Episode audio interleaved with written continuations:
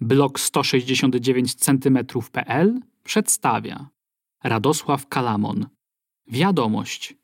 Czyta Radosław Kalamon.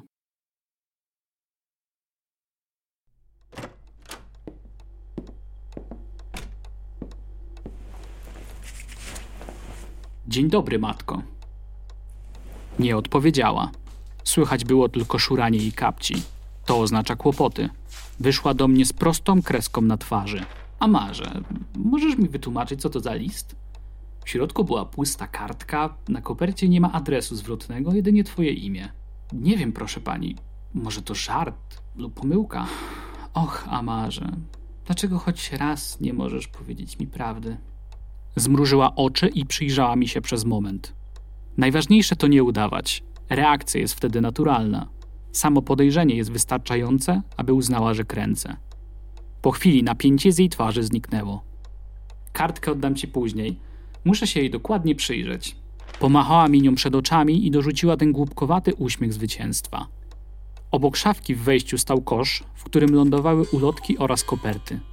Hm, teraz idę obejrzeć mój serial. Siedź cicho w pokoju i mi nie przeszkadzaj. Odrób lekcję.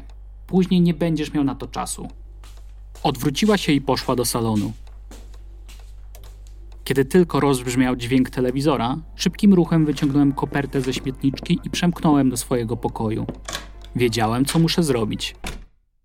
Starannie rozkleiłem kopertę wzdłuż krawędzi, a następnie zapaliłem czerwoną świecę na moim biurku. Wystarczyło kilkanaście sekund nad ogniem. Uśmiech najbardziej widać po oczach. Zawsze zaskakiwało mnie, jak dobrze jest widoczny, nawet kiedy częściowo zakryje się usta. Na kartce papieru pojawił się adres i data. Jeszcze tylko 30 godzin. Cześć, tutaj Radek Kalamon z bloga 169cm.pl. Daj mi znać, czy podobało Ci się to słuchowisko. Jeżeli możesz, oceń i zasubskrybuj ten podcast. To dla mnie bardzo ważne. Dzięki i do odsłuchania następnym razem.